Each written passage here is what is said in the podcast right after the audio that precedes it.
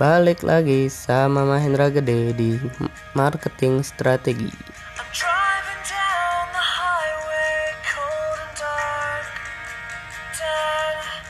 Ya, ini siaran kedua, ini podcast yang kedua yang di mana kita akan bahas tentang pemilihan media promosi.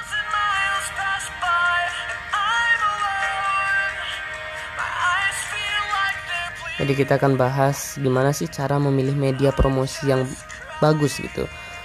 Banyak sekali pertanyaan dari teman-teman eh, ke saya itu media apa sih Indra yang paling bagus untuk promosi gitu ya. Media apa yang paling bagus untuk eh, jualan.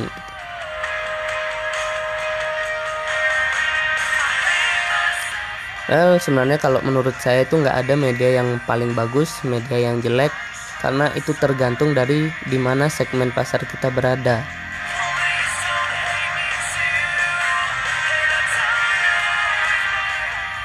Sama halnya kayak sebuah komunitas gitu ya.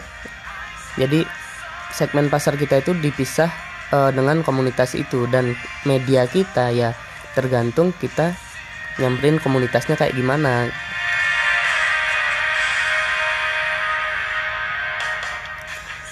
Sebagai contohnya misalnya ada yang yang A adalah komunitas olahraga sedangkan yang B adalah komunitas eh, PKK gitu ibu-ibu.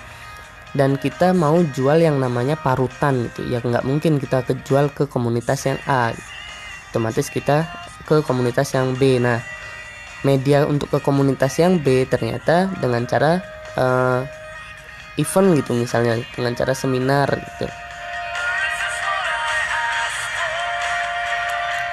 Jadi nggak ada yang namanya media mana yang paling bagus, media mana yang jelek.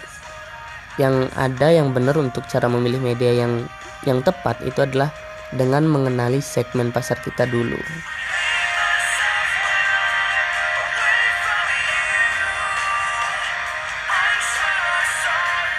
So itu salah satunya yaitu memilih segmen pasar, eh, mengetahui segmen pasar ya lebih tepatnya mengetahui segmen pasar kita ada di mana. Dan yang kedua adalah buat anggaran.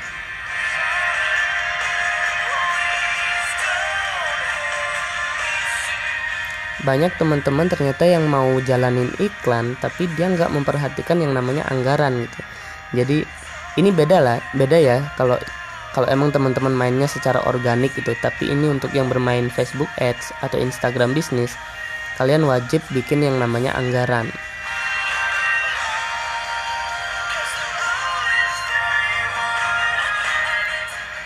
Bukan berarti juga semakin besar anggaran kalian, semakin banyak yang eh, semakin banyak media yang bisa kalian pakai gitu. Ya emang benar, emang benar kalau kalian punya uang 10 juta, kalian bisa pasang iklan di Facebook dan Instagram. Tapi apakah itu efektif gitu? Kalau pemasang iklan yang cerdas, dia nggak akan ngabisin uang 10 juta cuma buat eh, buang-buang uang di media yang nggak nggak prospek buat mereka gitu ya.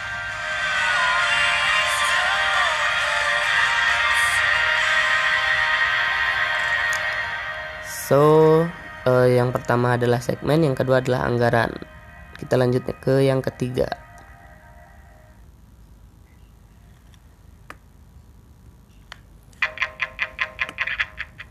Jadi di yang ketiga itu ini yang paling sering saya bahas. Ada yang namanya materi atau konten.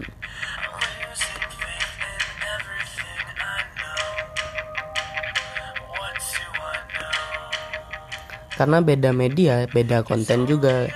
Sama kayak Instagram itu kontennya beda dengan kalau kita iklan pakai eh apa ya Facebook gitu.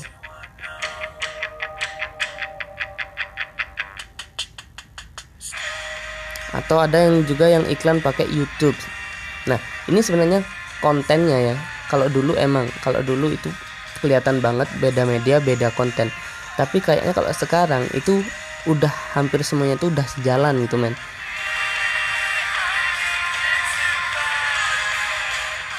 Misalnya aja kita bilang Instagram dia eh, dulunya fokus eh, apa orang fokus ngelihat konten foto atau video.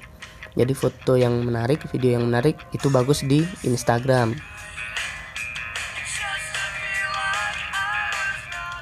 atau misalnya YouTube YouTube itu biasanya mereka yang em, bikin kontennya se- seperti video itu banyak banget di YouTube atau edukasi ke pelanggan itu mereka biasanya pakai media yang namanya YouTube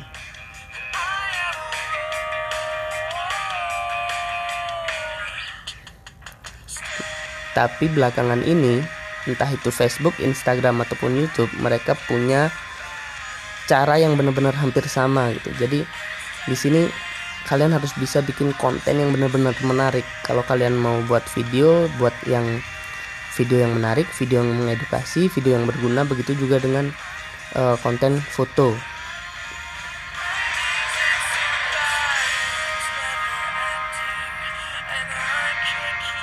Jadi yang pertama tadi kita ada anggaran, yang kedua ada segmen, yang ketiga eh, ada materi, dan yang ini yang paling penting nih, ini terakhir tapi paling penting, yaitu banyaknya teman-teman yang belum masuk ke hybrid marketing.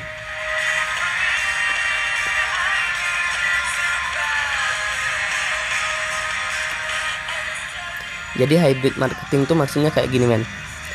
Hybrid marketing itu yaitu kita bisa memanfaatkan media online dan offline untuk menjalankan usaha kita untuk promosi. Jadi nggak hanya satu sisi. Itu yang namanya hybrid marketing.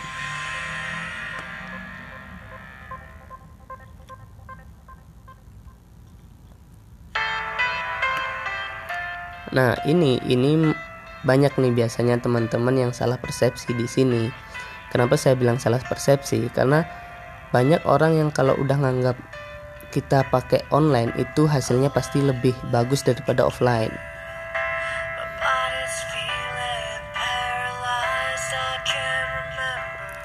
Tapi ada juga orang yang karena udah lama jalanin usahanya di bidang offline di dunia offline, dia benar-benar nggak mau pakai yang namanya online gitu. Karena dia bilang udah usahaku emang jalannya di offline nggak bisa di online.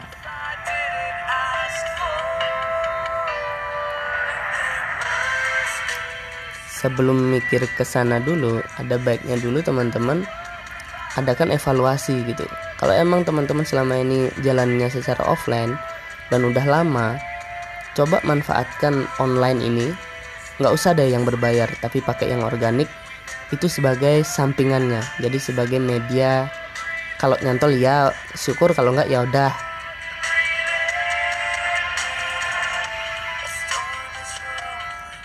untuk lebih mendalami lagi gimana apa itu hybrid marketing, apa itu hybrid sales, saya ngundang teman-teman semua untuk datang nanti di seminar tanggal 7 September 2019 di Fasini Hotel, Jalan WR Supratman.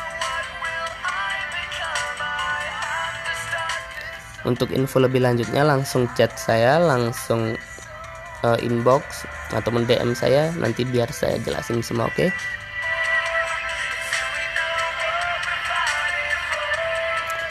Oke, jadi itu tadi eh, beberapa cara yang saya pakai selama ini dan terbukti memang berhasil. Yaitu yang pertama saya membuat segmen pasar saya, saya mencari tahu siapa segmen pasar saya. Yang kedua, saya buat anggaran untuk iklan saya, jadi saya tahu larinya uang saya itu ke mana-mana aja. Yang ketiga, tentu aja eh, saya banyak buat materi ya, materi-materi yang bisa menarik orang-orang yang memang tertarik dengan eh, bidang usaha saya gitu. Tertarik dengan produk saya dan yang keempat ini yang masih saya pelajari juga yaitu saya berusaha untuk menjadi hybrid sales hybrid marketing. Dan saya benar-benar semangat kalau memang teman-teman mau belajar juga bagaimana cara jadi hybrid sales hybrid marketing. Kita akan belajar bareng-bareng di tanggal 7 September 2017 eh 2019 sorry. Jadi langsung komen di bawah ataupun hubungi saya biar kita bisa belajar bareng. Oke teman-teman, thank you udah eh, dengerin podcast aku dan di podcast berikutnya kita akan bahas lebih dalam lagi mulai dari segmen materi dan anggaran ataupun yang lainnya. Oke, see you, thank you.